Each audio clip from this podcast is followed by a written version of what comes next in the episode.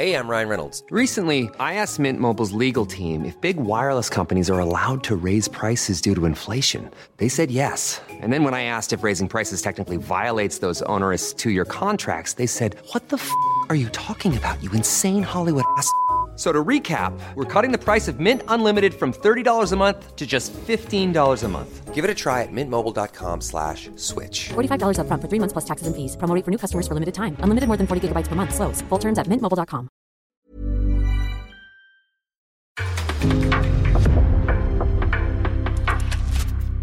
En podcast från Aftonbladet.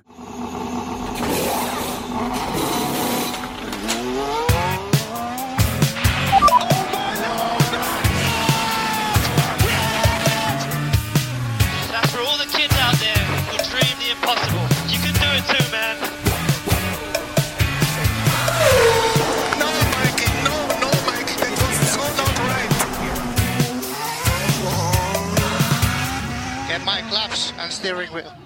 Steering wheel, claps and steering wheel here. Hola guapos och alla kära Formel 1-älskare. Här är plattan i mattan, delvis från Ystad och delvis från Barcelona. Live i ett, eh, ja det har varit 34 grader varmt här nu. Och det eh, känns kan jag säga i min kropp efter att ha varit på plats på eh, Formel 1-racet i bar överkropp under många timmar, både lördag och söndag. Känns på min rygg som jag inte riktigt kom åt med solkrämen, kan jag meddela. Eh, Men den andra platsen som är liksom vår stabila grund här i podden, Anna, du är ju i Ystad och har det lite lugnare solmässigt, eller? Ja, solen skiner i alla fall, fast det har regnat en del. Ja, det är härligt att höra. Eh, som sagt, halva podden var på plats i Barcelona. Inte på någon slags pressplats, utan bland, eh, bland det vanliga folket eftersom att jag är en helt vanlig man of the people. Va? Så jag eh, upplevde mitt första F1-race i mitt liv. Och det är ju så här, vi vet ju om att vi har ju massa lyssnare som är eh, superrutinerade. Många av er som lyssnar har varit på åtskilliga race, men det är också väldigt många som är eh, nyfikna på det. Och jag kan säga att det var nog många som var som mig här som har snärjts in igen i F1-bubblan och såg Barcelonas Grand Prix som en chans att eh, uppleva det första gången på plats. För det var basku mig, svenskar, vart man än vred skallen och öronen kan jag säga. Det var mycket svenskar på plats. Så det är någon slags bevis känner jag ändå att bland 121 000 människor under racedagen så var det liksom, eh, det var inte många gånger som man inte hörde svenska röster i eh, de olika köerna och så vidare och så vidare. Vi ska börja med att säga också eh, att idag när vi spelar in här 23 maj, dagen efter race, ska väl gratulera Rubens Barrichello också som fyller 50 idag. Det tycker jag är värt att nämna. Gamla grattis Rubens. Fin förare va? Ja, det får vi väl definitivt säga att han var med tanke på vilket hästjobb han gjorde i Ferrari under många år utan att få alldeles för mycket cred av det. Älskvärd. Lite, lite Bottas i Mercedes eller? Ja, lite Feeling. Bottas, lite Peris, Perez sådär. Och den där Perez ska vi prata mer om och den eh, ja, kampen som han för med, eh, med Verstappen. Eh, men jag tänker att eh, innan vi bara börjar gå igenom det här racet så, så tänker jag att det kanske är på sin plats eh, med en liten genomgång här av upplevelsen som jag hade här i, eh, i Spanien. Mm, ljudet Är det något vill, jag, du- vill jag veta. Ja. Ljudet. Jag tycker ju så här va, att vi kom ju dit på träningen, eh, träning 3 först innan kvalet som var i lördags.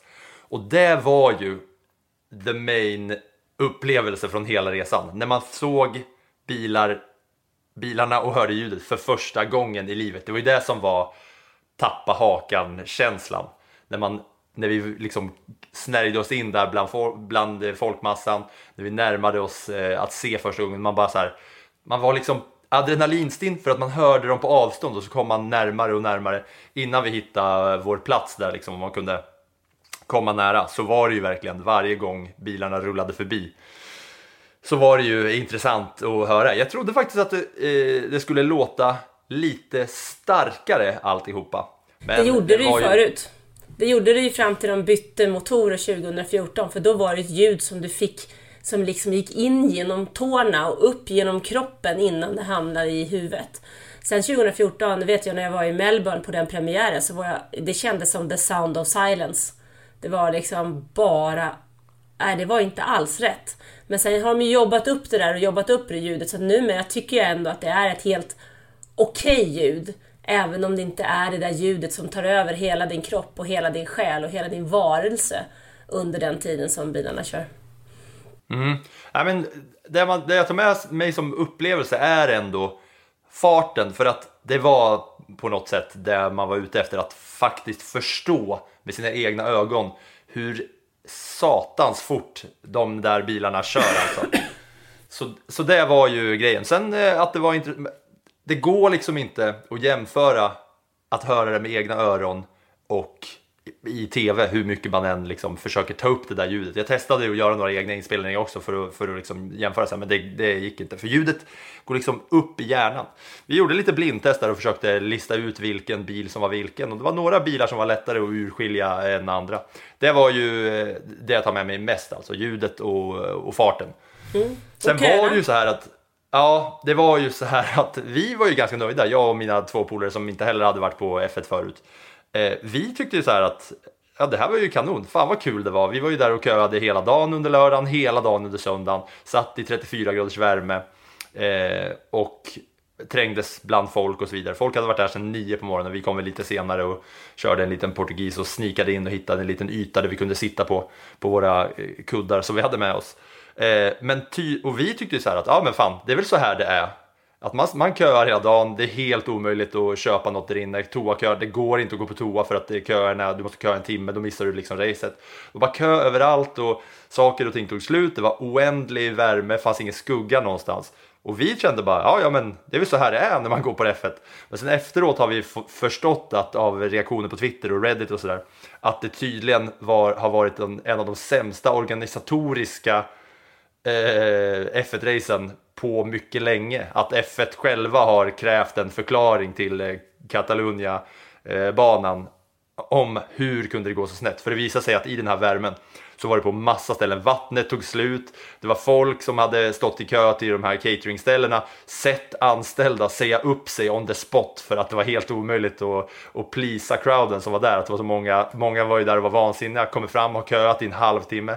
Nej, så är vattnet slut. Så det var tydligen någon som hade slutat på platsen, bara, nej, slängde av sig sitt, eh, sitt employee card och bara drog därifrån.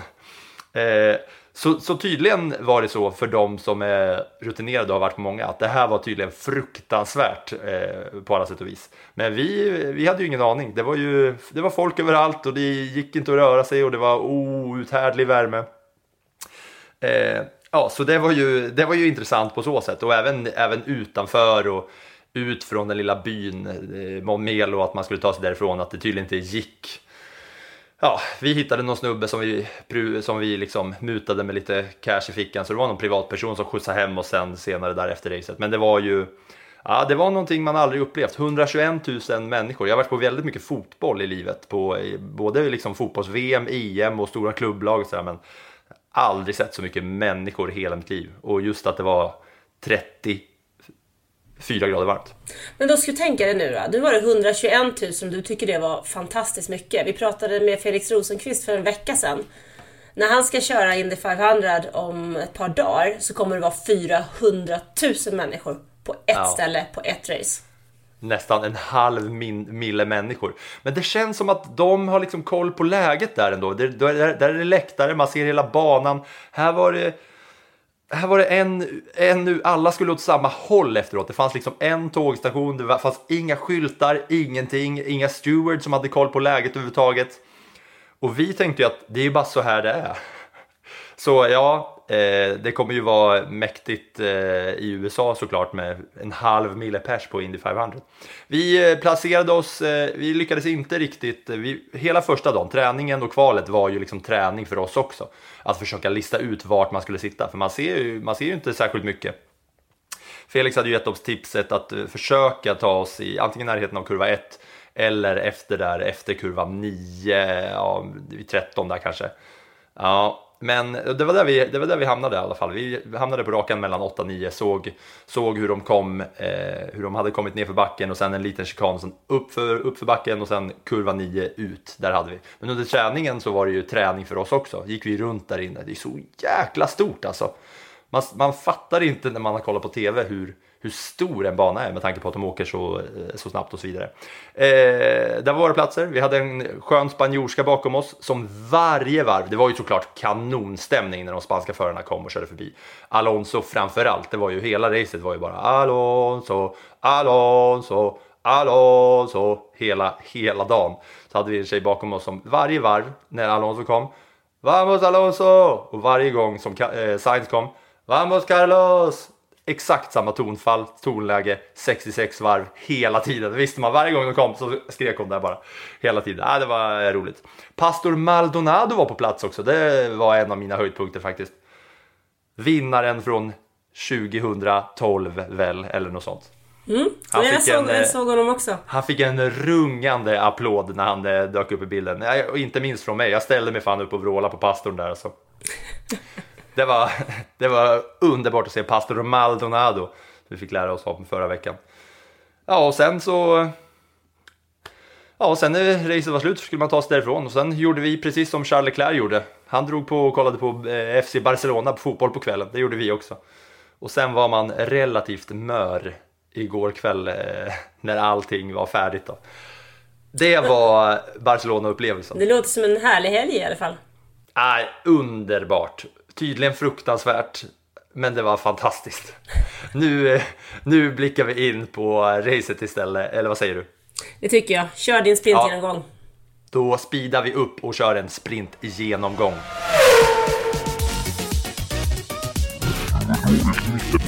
Hennes gassande hetta, obefintlig organisation och råmega kaos för fansen påverkade inte förarnas racehelg på något sätt. Barcelona GP bjöd på action för alla åldrar. 30 plusgrader gjorde i alla fall sitt för däckbytena då de skulle bli många för alla team. I kvalet så blev det kvalkalas för Günthers grabbar i Haas-bilarna med Kevin Magnussen som Q2 la sig på en femte plats som bäst. I Q3 som båda Haas-bilarna tog sig till så landade till slut dansken på en åttonde och Mick Schumacher på en tionde plats. Mycket bra av Haas. Pole position gick återigen till fenomenale Charles Leclerc som så många gånger förr denna säsong placerade sig precis framför Max Verstappen. Söndagens race bjöd på ännu mera hetta och eh, det visade sig enligt förarnas egna data 36 grader på termometern.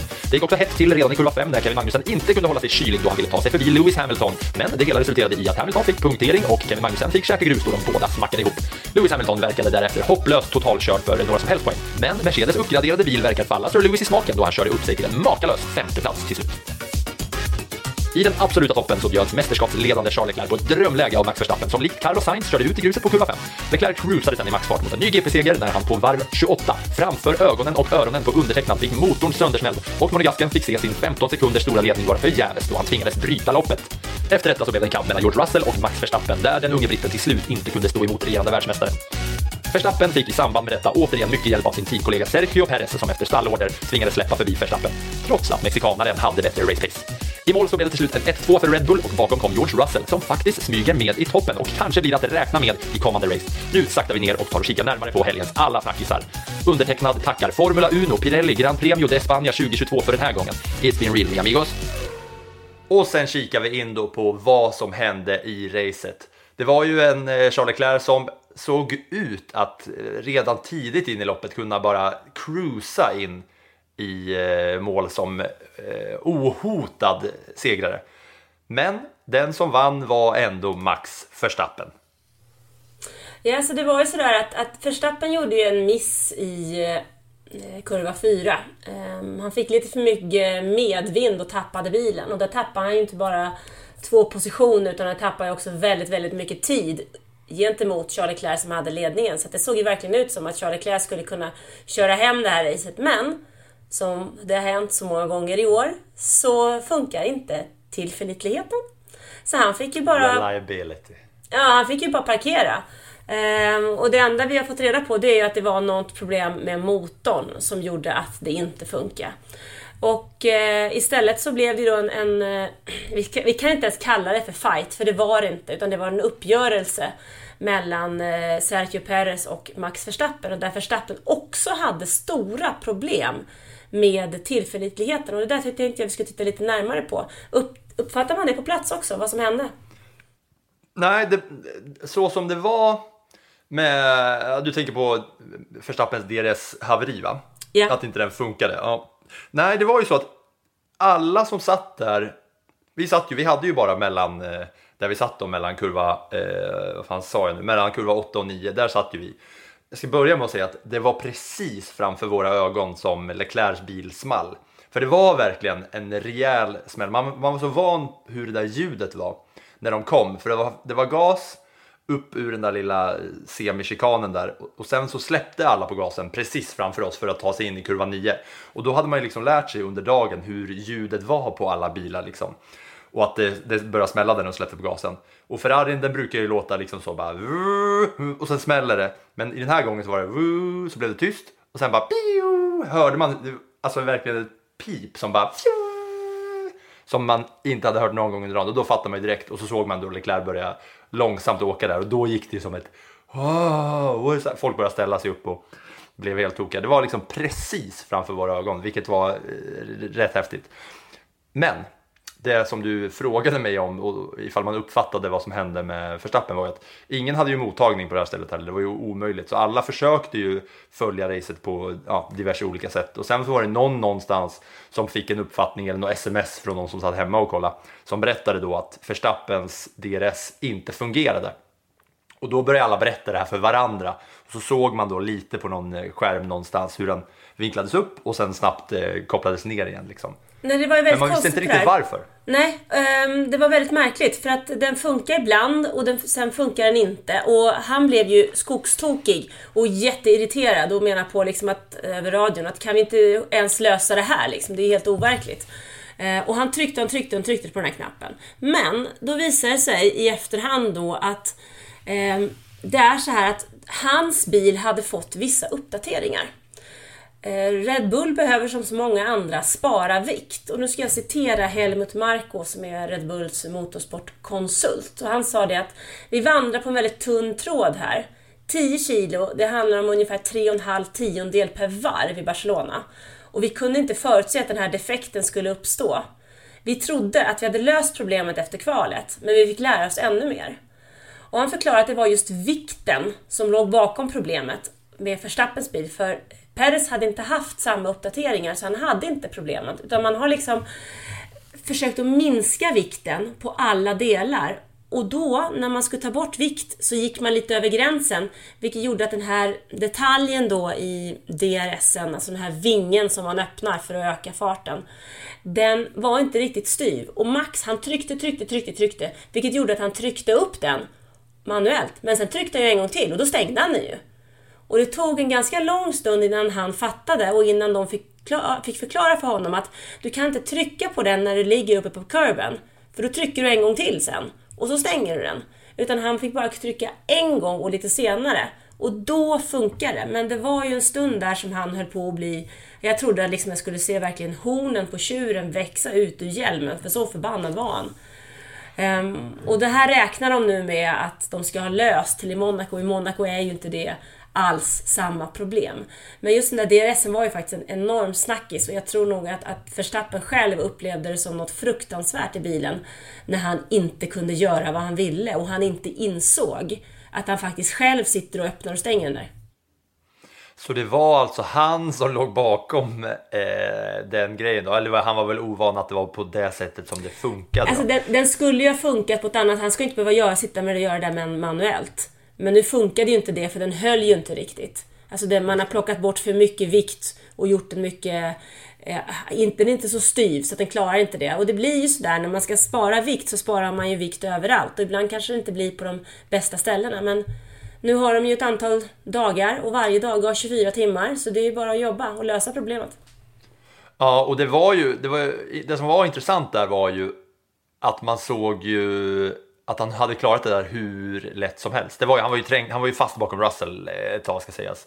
Eh, smygan Russell som vi ska komma in på eh, senare som, som ledde racet där när, eh, när, när Leclerc eh, när hans bil small och han fick ge upp. Då var det ju Russell i ledning och man såg ju klart och tydligt hur Verstappen skulle utan problem bara kunna cruisa förbi Russell om man hade haft sin DRS. Och särskilt i och med att de flesta omkörningarna gjordes ju inför kurva 1 där och i de, eh, ja, i kurvorna 1, 2, 3 efter, efter startrakan. Så, så där hade han det ju riktigt kämpigt. Men sen så fick han ordning på det och då var det inga problem överhuvudtaget för honom att, att, att ta sig förbi.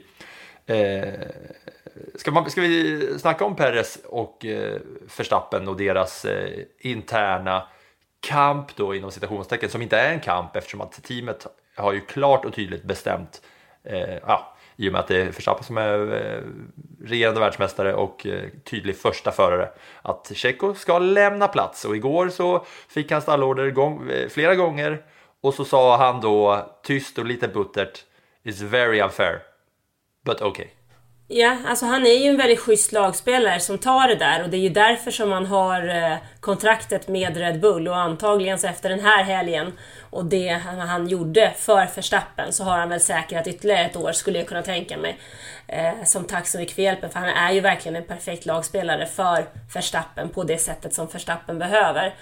Men eh, om det var rätt, det är ju nästa fråga. Jag förstår ju Sergio Perez att han är besviken därför att han gör ett väldigt, väldigt bra race och han skulle mycket väl kunna vinna det där racet. Men han får inte lov att göra det. Och då kommer vi till den här frågan när det gäller teamorder som har funnits i, i många, många år och det är ju så att teamorder är okej okay numera. Det var ju så att det inte var okej okay, om ni minns 2001 Österrike i säsongens sjätte lopp när eh, Ferrari la en teamorder så att eh, Rubens Barrichello i stort sett bromsade så att eh, Michael Schumacher kunde köra förbi Let Michael pass for the Championship. Sen var det förbjudet. Sen har man tillåtit det igen under den formen att det inte liksom är osportsligt och sätter, sätter sporten i ett dåligt läge, för det får inte se illa ut. Showen får inte se illa ut. Så är det numera tillåtet. Och det jag funderar över lite grann, det är ju att det här var ju också det sjätte racet på säsongen. Som man låter eh, Verstappen ta den fördelen. Men det är en säsong som har 22 race. När Ferrari gjorde samma sak var det en säsong som hade 16 race. Vad är din åsikt? Mm. Eh, nej men jag tänker ju att det är jäkligt intressant för att Verstappen har ju inte gått i mål ett par race och om man kollar på alla förare så tror jag att det är den tajtaste poängluckan då av de här toppförarna mellan Verstappen och Perez. Att det är, ja nu efter det här racet då så eh, har ju Verstappen gått upp i total ledning i mästerskapet på 110 poäng tror jag och eh, Perez ligger på 85. Men om man jämför mellan alla de här toppförarna så är det då mellan de två som det är tajtast poängmässigt. Och nu är det ju det är gång på gång som Perez får släppa förbi Max och han borde nog kunna känna att fan om jag bara skulle getts chansen så skulle ju han kunna ha gått för det i och med att det är 25 poäng som man får som, som segrare. Så jag tror, jag tror det borde vara, alltså visst vi vet att Perez är en super team player men han borde ju vara mer frustrerad än vad han ger uttryck för när han då säger very unfair. Mm, jo men det är han. Okay. Det är han ju säkert. Han är ju säkert otroligt frustrerad men i den rollen som han har så, så kan han inte vara så frustrerad därför att Red Bull har letat efter den typen av förare i många, många år. En förare som kan göra det för Verstappen som Verstappen behöver. Och det är just det han gör. Så att om han ska ha den där rollen så måste han på något sätt acceptera att det är hans sätt att, att leva sitt liv på racerbanan, det är att bära flaskorna åt Verstappen. Därför att ja. de, de kan ju inte, alltså annars hamnar man i ett läge där du har två förare i samma team som racear varandra och det funkar ju som Mercedes hade det när de var så otroligt överlägsna. Men så ser det ju inte ut längre. Utan ett team har ju inte råd att ha två förare som fightas och tar poäng av varandra för då är det någon annan som har näsan först. Och det är ju till syvende och sist så att Formel 1 är ju ett teammästerskap i första hand och ett förarmästerskap i andra hand. Även om vi alla ger själva 17 i teammästerskapet och bara bryr oss om förarmästerskapet. Mm. Och som du sa att det är så pass många race kvar och under det här racet så hade ju Perez bättre race pace än Verstappen till en stor del. Hur många gånger han var, eh, alltså han hade den där mycket bättre fart än Verstappen och blev tvingad att, att släppa förbi. Och jag ska tycka det blir jättekul sen att se i slutet av säsongen vad som hade hänt när man då kan räkna ihop alla gånger som Perez har fått teamorder att släppa förbi Verstappen. hur poängfördelningen hade sett annorlunda ut om man inte hade fått Team Order att släppa förbi Verstappen. För att det, det, börjar, det börjar liksom eh, raddas upp nu här med gånger som, eh, som Perez tvingas släppa förbi Verstappen när han är före. Men du gör ett litet dokument då i datorn så vi kan hålla koll på det här framåt eh, december. Ja mot, ja, mot slutet när vi ska summera så, eh, så kommer jag nog eh, kunna göra det tror jag. Strålande. Och om vi är redo att lämna stortjurarna där för att ta oss vidare till nästa, nästa team i, i ordningen i hierarkin som det ser ut just nu då. Det är ju Ferrari och Red Bull som har tampats om det. Men det verkar som att det kommer bli annorlunda framöver, eller hur? Ja, det, jag höll på att säga när du lämna stortjurarna, så då går vi till det tjurigaste teamet, eller i alla fall till den tjurigaste föraren. Det var roligt kan jag säga också här på Barcelona. Satan vad hatad Hamilton var. Alla buade hela tiden när det var Hamilton. Fasen vad de hatade honom. Det, det var, blev jag lite chockad över, att han var så himla hatad. Det tycker, jag näst, det tycker jag är orättvist, för det tycker inte jag han eh, har gjort sig förtjänt av. Han har ändå vunnit liksom sju VM-titlar. Han har gjort ett himlans bra jobb. Så det tycker jag, nej det gillar inte jag riktigt. För att jag tycker Nej. ändå att han är... Han har gjort ett bra jobb. superhatad. Och det var alltså alla, alla buade så fort, eh, varje gång Hamilton kom så var det dunderbur upp. Och det blev ju väldigt, eh, blev ju väldigt tydligt eftersom att han, ja vi kommer väl in på det här i, när vi snackar om Mercedes, att han körde ju större delen av racet helt själv i och med att han och Magnusen eh, smattrade ihop där i början. Så varje gång han kom förbi oss där så var han ju ensam, det fanns ju ingen annan. Hade han kommit med Alonso så hade alla jublat förmodligen då, alltså om de låg bredvid varandra. Men nu kom ju Lewis själv varje gång och alla buade som dårar. Det var samma sak när de åkte runt på den här Drivers Parade innan, när de åker på det här lastbilsflaket och vinkar till alla till publiken lite så här honnörsmässigt. Då var det också, när, för då pratade han, då blev han intervjuad när han åkte förbi oss. Och det gick inte att höra någonting, för alla buade som spanska dårar, alltså som de är. Det, var, ja, det var lite chockerande, det hade vi inte förväntat mig. Jag tycker faktiskt att eh, Lewis Hamilton gjorde ett riktigt, riktigt, riktigt bra race i Barcelona. Eh, Alltså om man tänker på den situationen, han är alltså inblandad i en situation med Kevin Magnussen och han eh, får en punktering vilket gör att han måste in i depå och hamnar ju toksist. Vilket gör att han måste eh, plocka in liksom en minut. Och själv så är han ju tydlig mot teamet och säger att ah, men vi är lika bra att vi stannar och sparar den här motorn. Eh, guys, vi kan inte göra så mycket mer. Och de säger, nej men alltså du får fortsätta köra för att vi tror att du kan nå topp 8. Och då tänkte man väl, ja ja. Och efter racet så berättade han ju också att de tänkte, han tänkte att, men herregud hur optimistiska är ni då? Det där kan ni ju aldrig lösa. Men det gjorde han ju och han nådde ju inte bara topp 8. Han var ju på väg på en, eh, fjärde plats om det inte hade varit så att han drabbats av en vattenläcka som vilket gjorde att han fick släppa förbi Carlos Sainz i slutet. Så att eh, Hamiltons insats är ju, tycker jag, makalös den här helgen. Ja, Alltså makalös måste ju bara vara förnamnet. Det här är ju, det här är ju på, på snudd till eh, Brasilien 2021, Hamilton, när han startar längst bak och kör förbi alla. Om inte det här till och med ännu sjukare körning av han, med tanke på att han, han var så himla mycket efter. Eh, Brasilien förra året, då startade han ju sist och körde bara kanon hela vägen. Men nu var han ju helt borta efter första och tvingades smälla in och, och i depån direkt ju. Och så körde han då, för det var också en grej som man inte fattade när man, när man var där på plats och inte kunde liksom följa det på, eh, alltså veta vilka som har gjort hur många stopp och sådär. Det var ju det som var det svåra när alla började gå in i depån hela tiden. För i början så var det så, ja men det var alla kom och sen så kom Lewis och så kom Magnusen. Sen började de ju komma i hux flux ordning och då var det ju kanonsvårt att ha koll på ja, vart Hamilton låg till. Eh, sådär. Men eh, uppkörningsmässigt så måste ju han, om inte det där hade hänt, då måste han ju utklassat alla andra om han hade kunnat haft det där tempot hela vägen. För man såg ju det också att eh, när, han, när han gick om Sainz där på slutet så tänker man ju att ja, Mercedes har inte haft någon chans mot Ferrari överhuvudtaget. Men när Lewis kom på slutet och körde om Sainz, då kände man oj, här kommer det bli intressant för att Ferrarin hade ju ingenting att sätta emot när Mercedesen kom med, den farten där. Och ska det fortsätta så här, då kommer det bli riktigt, riktigt kul att eh, det blir en, ett tre teams fight då, känns det väl som. Jag, jag, jag läste en kommentar från eh, Toto Wolff här nu efteråt. Eh, och han sa det att vi har tagit ett stort steg den här helgen. Vi har troligen halverat avståndet till eh, de ledande teamen. Eh, och Lewis var ju efter racet igår också helt eh, tydlig med att Mercedes faktiskt bör kunna slåss om segrar i år. Och det tycker jag är en spännande förändring faktiskt, scenförändring som vi inte alls hade räknat med. Say hello to a new era of mental health care. Cerebral is here to help you achieve your mental wellness goals with professional therapy and medication management support. 100% online. You'll experience the all new Cerebral Way, an innovative approach to mental wellness designed around you.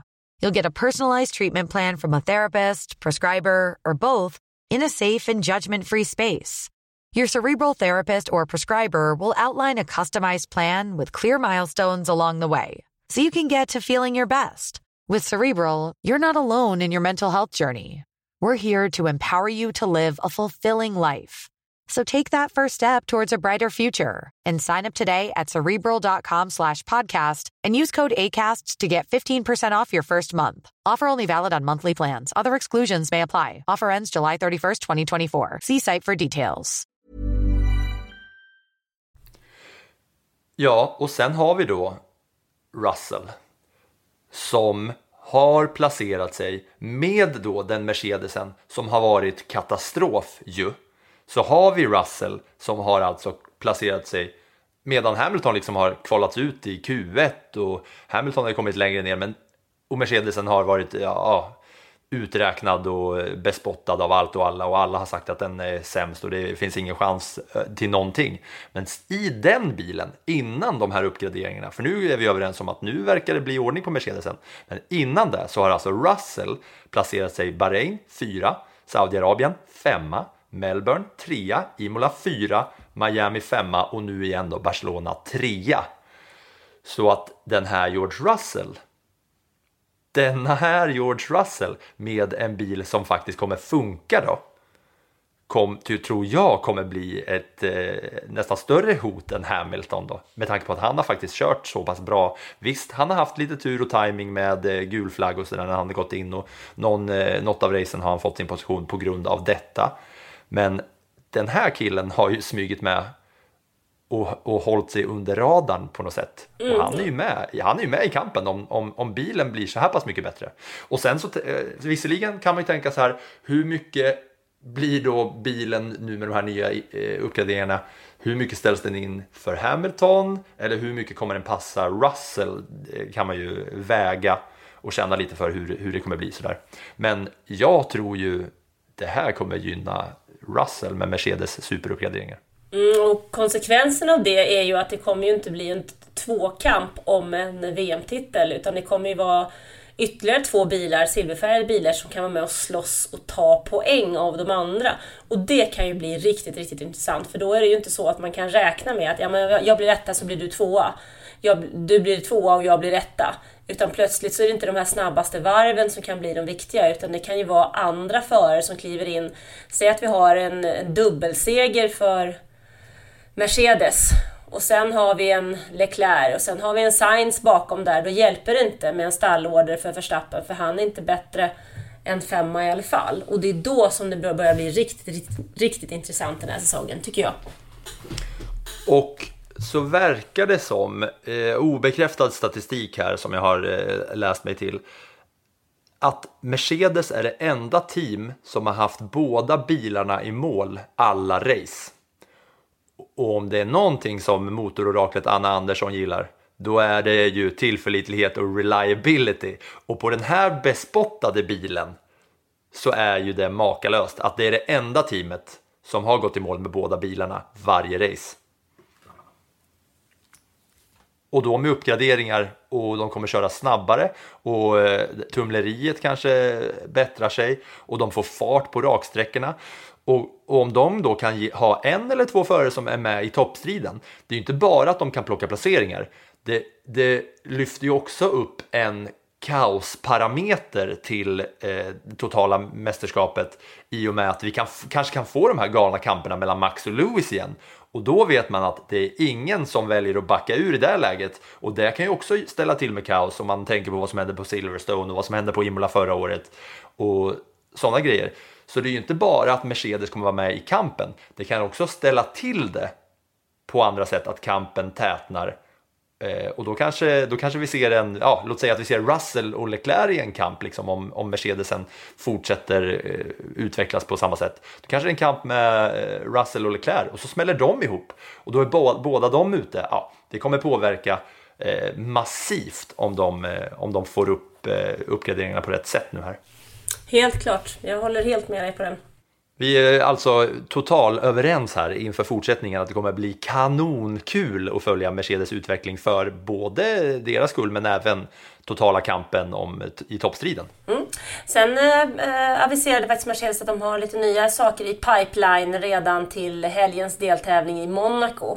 Där man behöver ju en bil som presterar i betydligt lägre fart än vad man eh, har på en normal bana eftersom Monaco handlar ju egentligen inte om att Monaco handlar ju om att köra så snabbt långsamt som det bara går. För det går inte att köra snabbt snabbt.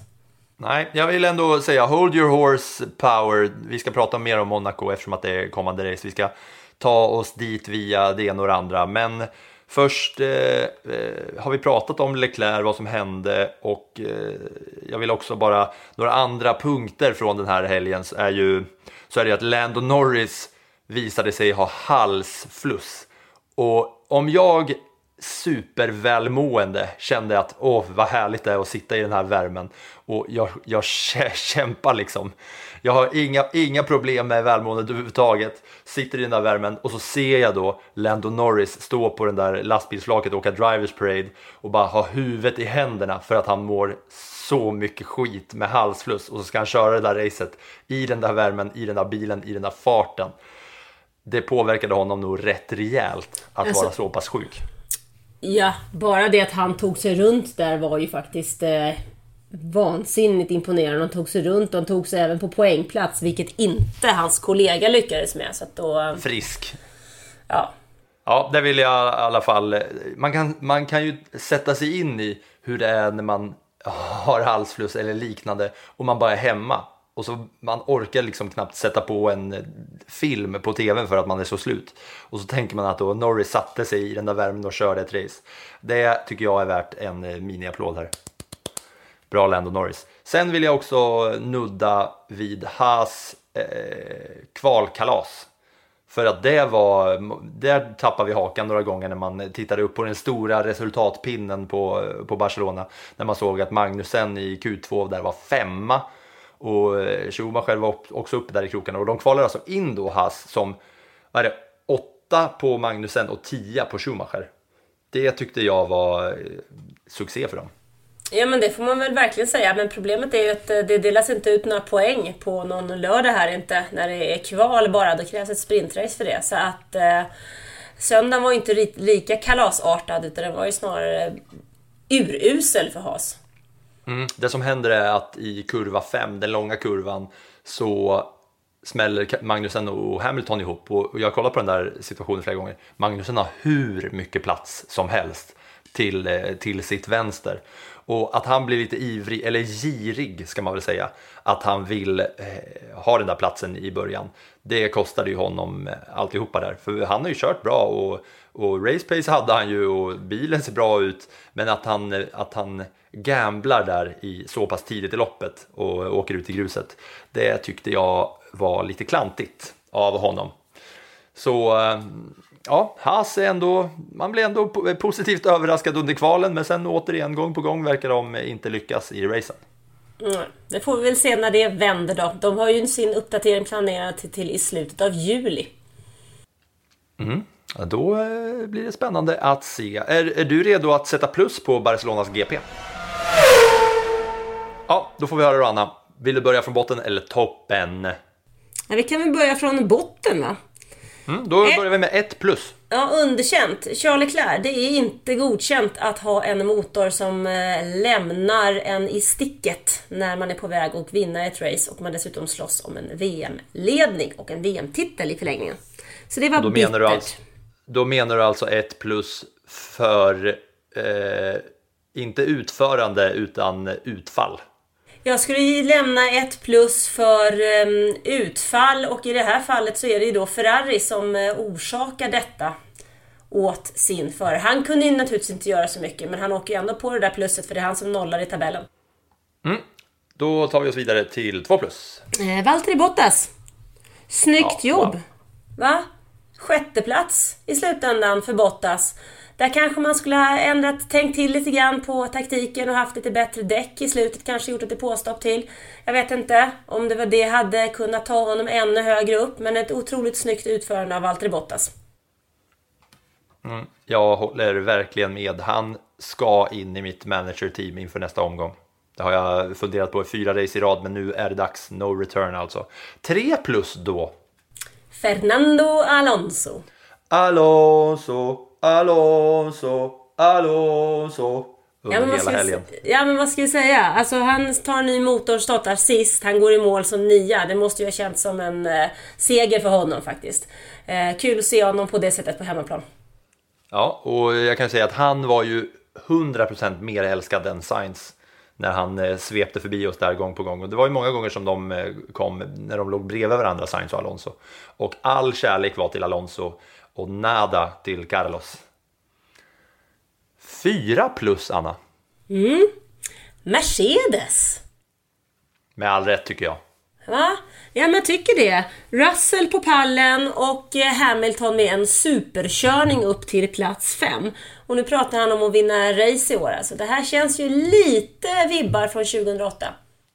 Ja, och jag känner ju nu att nu, eh, nu börjar man ju svänga över till att man, man vill ju, man håller, jag håller nästan lite på Hamilton för att här kommer han ur underläge.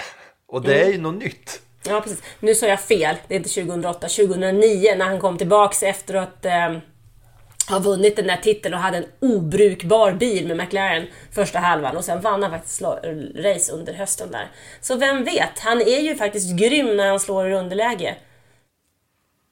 Det ska bli mycket kul att följa och eh, som sagt, fyra plussen var ju till Mercedes och inte till Hamilton. Och Russell ska baske mig ha sin del av fyra plus-kakan också tycker jag. Absolut, de, de kan väl ta två var?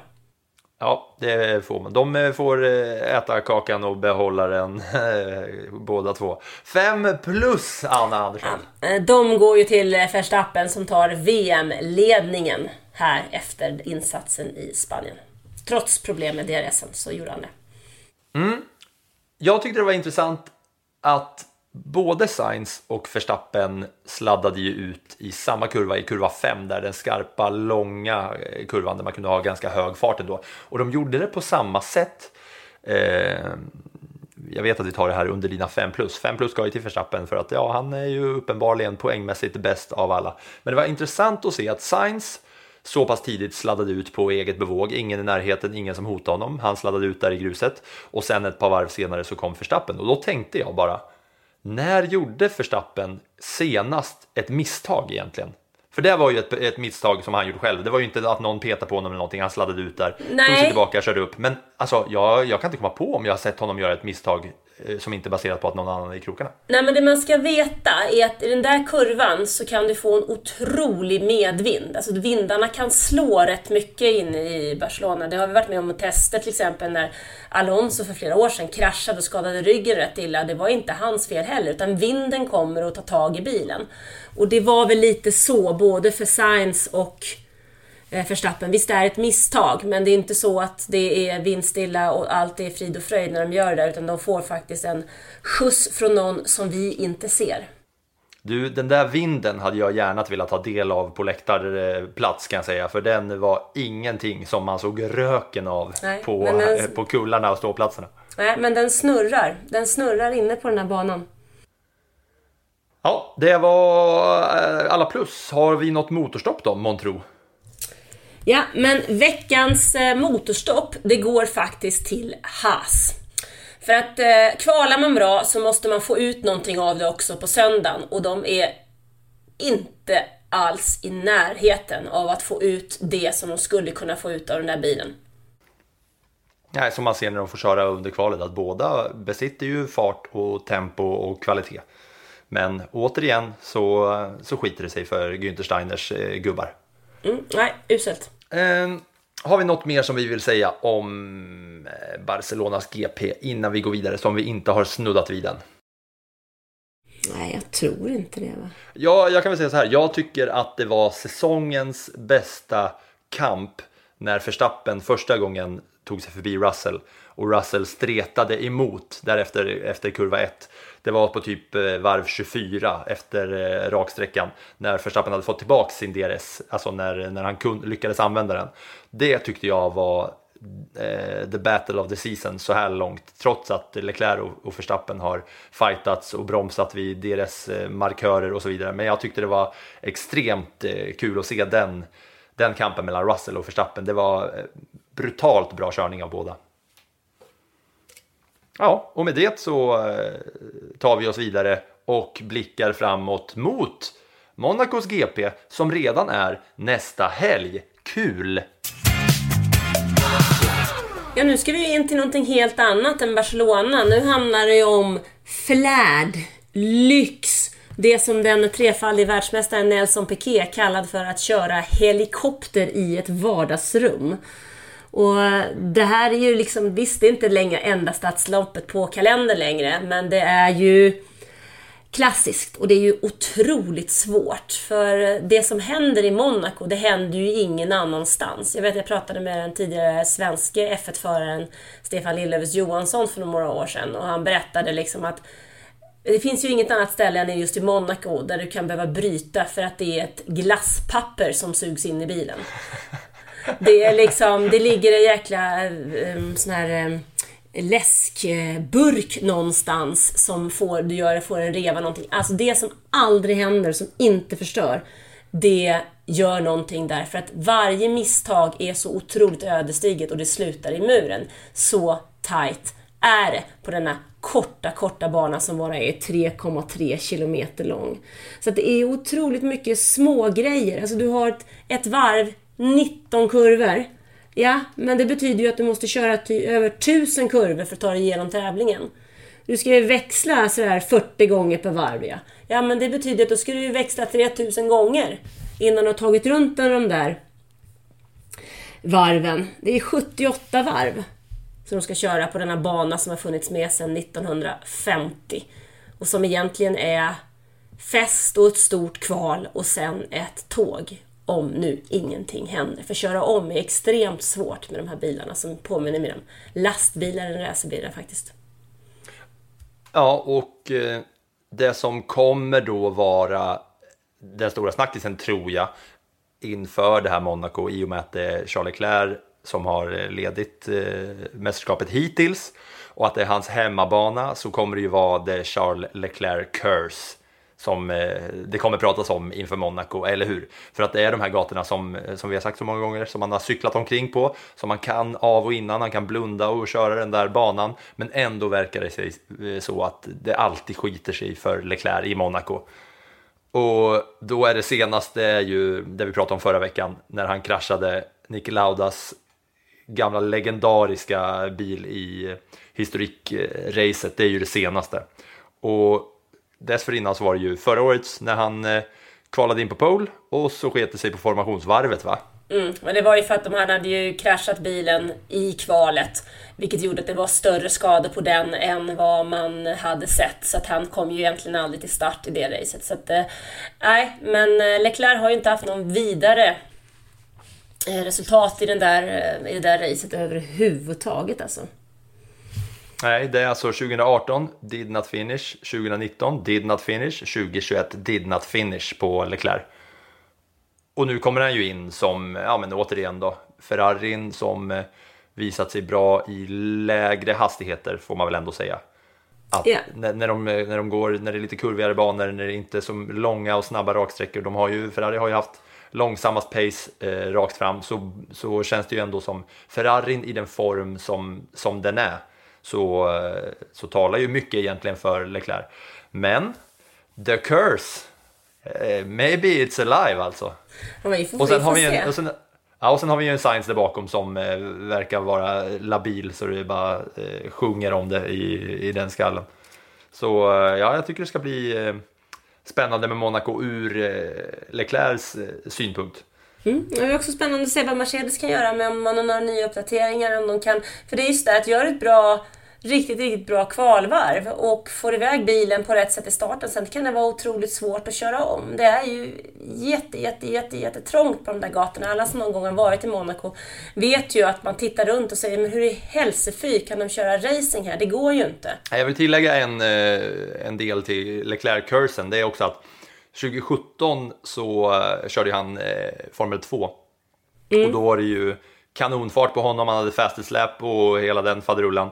Men sen så var det nog eh, suspension-problem eh, för honom som, var, eh, som tvingade honom att retire och, och dra sig tillbaka från det där racet. Så där gick han inte i mål heller. Var bäst, men just att det är, det är cursen på, för Leclerc alltså. Den hänger med ända från, från F2 och, och framåt.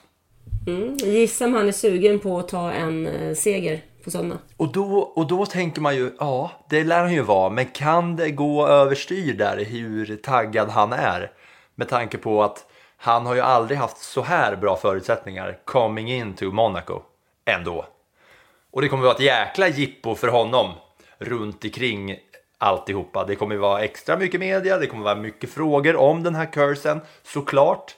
Som kan ändå påverka och sätta igång något där i skallen. Senast han var på, den här, eh, på de där gatorna så snurrade han upp Niki Lauda-bilen och pajade den. Så eh, ja, det är intressant alltså att se hur det blir. Men eh, kollar vi på tidigare vinnare i Monaco. Eh, så eh, förra året var det ju Verstappen, innan så var det Hamilton och eh, 2018 eh, dessförinnan så var det Ricardo i en Red Bull. 2017 Vettel, 2016 Hamilton. Flest segrar av alla. Eh, Senna på sex stycken, Schumacher på fem. Graham Hill 5, Prost 4. Mm. Sen så när jag tänker när vi snackar om Monaco, det finns faktiskt en förare till som är uppvuxen i Monaco även om han inte körde med, med monegaskisk licens eller vad det heter. Han körde i alla fall för Tyskland, det var Nico Rosberg. Han vann ju faktiskt eh, det där racet tre gånger i rad. Och han eh, hade ju också full koll på den där banan eftersom han gick i skolan egentligen så han kunde sitta och titta ner på depårakan när han var barn. Han är också uppvuxen där. Mm, och mer inför eh, Monaco då. Det jag, det jag tänker direkt på är ju att det ska bli spännande att se eh, Mercedes hur de fortsätter med sina uppgraderingar och hur det kommer eh, smälla in. Det kan ju också vara så att då eh, bilen funkar bättre, Hamilton får mer självförtroende, vågar släppa loss eh, mer än vad gjort hittills den här säsongen när han känner att det börjar, eh, börjar lossna. Russell med i kampen där. Jag, eh, jag tror ju så här, va? Eh, eh, med tanke på hur Monaco-racen brukar se ut, det är inte särskilt mycket omkörningar eh, och, och, och sådär. Så tror jag ju att kvalet här kommer ju bli superkul att kolla på. För det, kommer, det känns som att det avgör ofta eh, racet va? Kvalet avgör väl nästan alltid Monaco GP. Det är ju inget snack om saken. Så att eh, lördagen ska vi icke missa. Lördagen ska vi sitta klistrade framför eh, Annas live-rapportering på sportbladet.se också tror jag väl. Absolut! Ja, något mer inför Monaco? Är vi, eh, är vi nöjda där? Jag kan säga att jag, jag, jag har ju nämnt innan att jag brukar sätta mig och köra igenom banorna på mitt eh, lilla Playstation hemma på, i, i sportspelet. Nu har jag aldrig varit mer taggad än att komma hem och köra Barcelona. Det ska bli extremt kul efter att ha varit där, för nu eh, känner man ju igen platserna. Va? Nu vill jag köra Barcelona och jag vill ladda upp inför Monaco i min egna lilla bil. Så eh, det tycker jag ska bli kul. Vi kommer ju nästa veckas avsnitt snacka ner Monaco såklart och eh, det kommer ju vara massor med nyheter och snackisar och själva racet och kvalet och hela faderullan. Så eh, vi rullar vidare till Svenskkollen.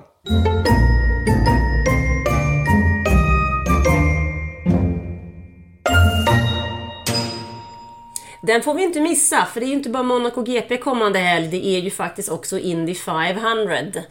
Och vi hade ju, har ju två svenskar med där borta. Eh, och Scott Dixon tog pole position i Indy 500 för femte gången.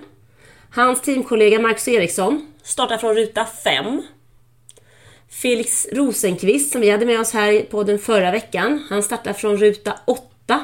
Han såg ju riktigt, riktigt vass ut under hela veckan, men fick någon form av tekniskt problem och tappade farten till kvalet då.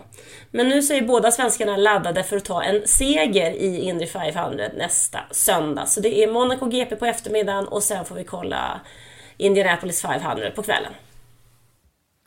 Eller som jag då kommer göra, sätta klockan måndag morgon och gå upp och se det i repris om man nu vill göra så. Det kommer bli eh, riktigt kul och extra kul känner jag ju efter att ha snackat i en timme med Felix Rosenqvist om hur det är att köra en eh, Indybil just på ett ovalrace. Om ni inte har lyssnat på det avsnittet så kan jag rekommendera det även om du följer Indycar eller inte. För att när Felix berättar om hur skev den där bilen är inställd och hur svårt det är att köra den så är det kanonlyssning och eh, ja, podcastguld att höra Felix Rosenqvist berätta om, om sin skeva bil när han kör ovalrace. Det är alltså i förra avsnittet av Plattan i mattan. Det tycker jag att ni ska lyssna på. Eller hur Anna? Avsnitt 10, en gång till. Ja, man får lyssna det dubbelt. Eh, och då vet vi i alla fall att vi kommer ju i avsnittet efter vi snackar ner Monaco kommer vi kanske också lägga lite fokus på eh, Indy 500 och eh, kackla lite om eh, hur det gick för, för svenskarna där.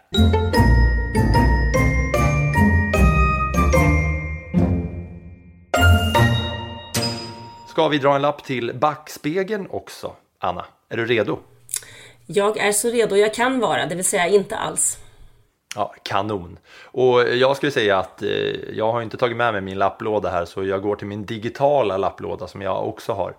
Och då ska vi välja en lapp här. Jag ska, ta en, jag ska slumpa på en randomizer här först. Hur går det till när du tar Felix med jag har en randomizer på, eh, på Google bara. Googla upp en randomizer-knapp så tar jag en siffra mellan det här och det här. Så säger den åt mig. Jag tänkte det var så bra när du hade Felix som valde våran vinnare förra veckan som skickade en eh, eh, lyssnare och sambo till Monaco. Var han ju grym som randomizer. Ja, det, det var kanon. Ja, det ska vi säga. Lycka till till Melker som, eh, som vann biljetterna till Monacos GP. Jag hoppas att du kommer ha det otroligt bra där nere. Och härligt. Då ska vi se, då drar vi en lapp här. Och randomizer-knappen här i Google Chrome säger åt mig att det blir i backspegeln för nästa avsnitt Lella Lombardi. Och det är ett namn jag hört dig nämna Anna i podden och jag känner också till det att hon är den enda kvinnan som har F1-poäng i en halv. bagaget. En, en halv F1-poäng. En halv F1-poäng tog hon under 1970-talet. Eh, ja. Det är spännande för det är ju faktiskt så att det har funnits ett antal kvinnor som har kört Formel 1. Eh, väldigt få på senare tid. Men eh, bak i historien så finns det några stycken så att vi får kolla till dem. Det tycker jag ska bli kul för det här tror jag inte att det är jättemånga som känner till att, att det har just varit så. Och det, kvinnoklasserna eller kvinnoklasserna, det, börjar, det finns ju kvinnor som kör i de andra underklasserna eh, och eh, på, på hög nivå nu också 2022. Absolut, vi har ju... På hur man, till skillnad på hur det var på då 70-talet kan jag tänka mig. Alltså vi har ju Tatjana Calderon har vi ju i Indycar till exempel. Eh, hon körde ju väck förra året, det var de tre stycken tjejer där. Så att det finns flera stycken och vi har ju haft den här Fia Girls Rising Star on Track som har tagit fram så att det faktiskt finns eh, tjejer i Ferraris akademi numera. Så att eh, de kommer. Det finns ett par stycken spännande svenska tjejer att hålla koll på. Milla Sjöqvist och Alexia Danielsson. Det här kanske är något som också kommer ingå i eh, backspegeln nästa vecka. Vi får se vad Anna hittar på. Men det är i alla fall nästa avsnitt av Plattan i mattan där vi kommer snacka ner Monacos GP. Vi kommer kackla om Indy 500 och hur det gick. Och ni kommer även få höra backspegeln då om Lella Lombardi, den enda kvinnan med F1 poäng. Känner du dig färdig Anna? Helt slut. Bra. Det är härligt, för jag ska faktiskt ta mig ut här i Barcelona och eh, ta mig ner till OS-byn från OS 92. Jag har tjatat på mina vänner som är med mig här i Barca att det enda jag vill göra utöver Formel 1 är att knata omkring i OS-byn från legendariska OS 92. Kolla på hopptornet där eh, den unga kinesiskan kan hon heta Fu Ming-Shu eller något liknande har de mäktiga fina bilderna på hopptornet. Man har de bilderna, där minns jag, jag var ju knappt vid liv 92 eftersom att jag är född 89.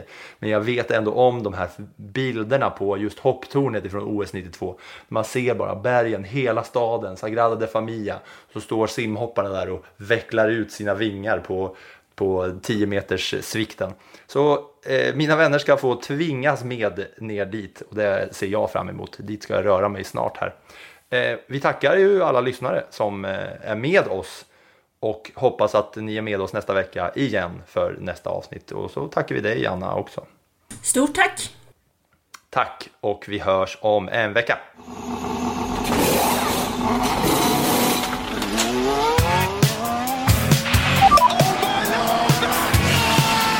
Du har lyssnat på en podcast från Aftonbladet.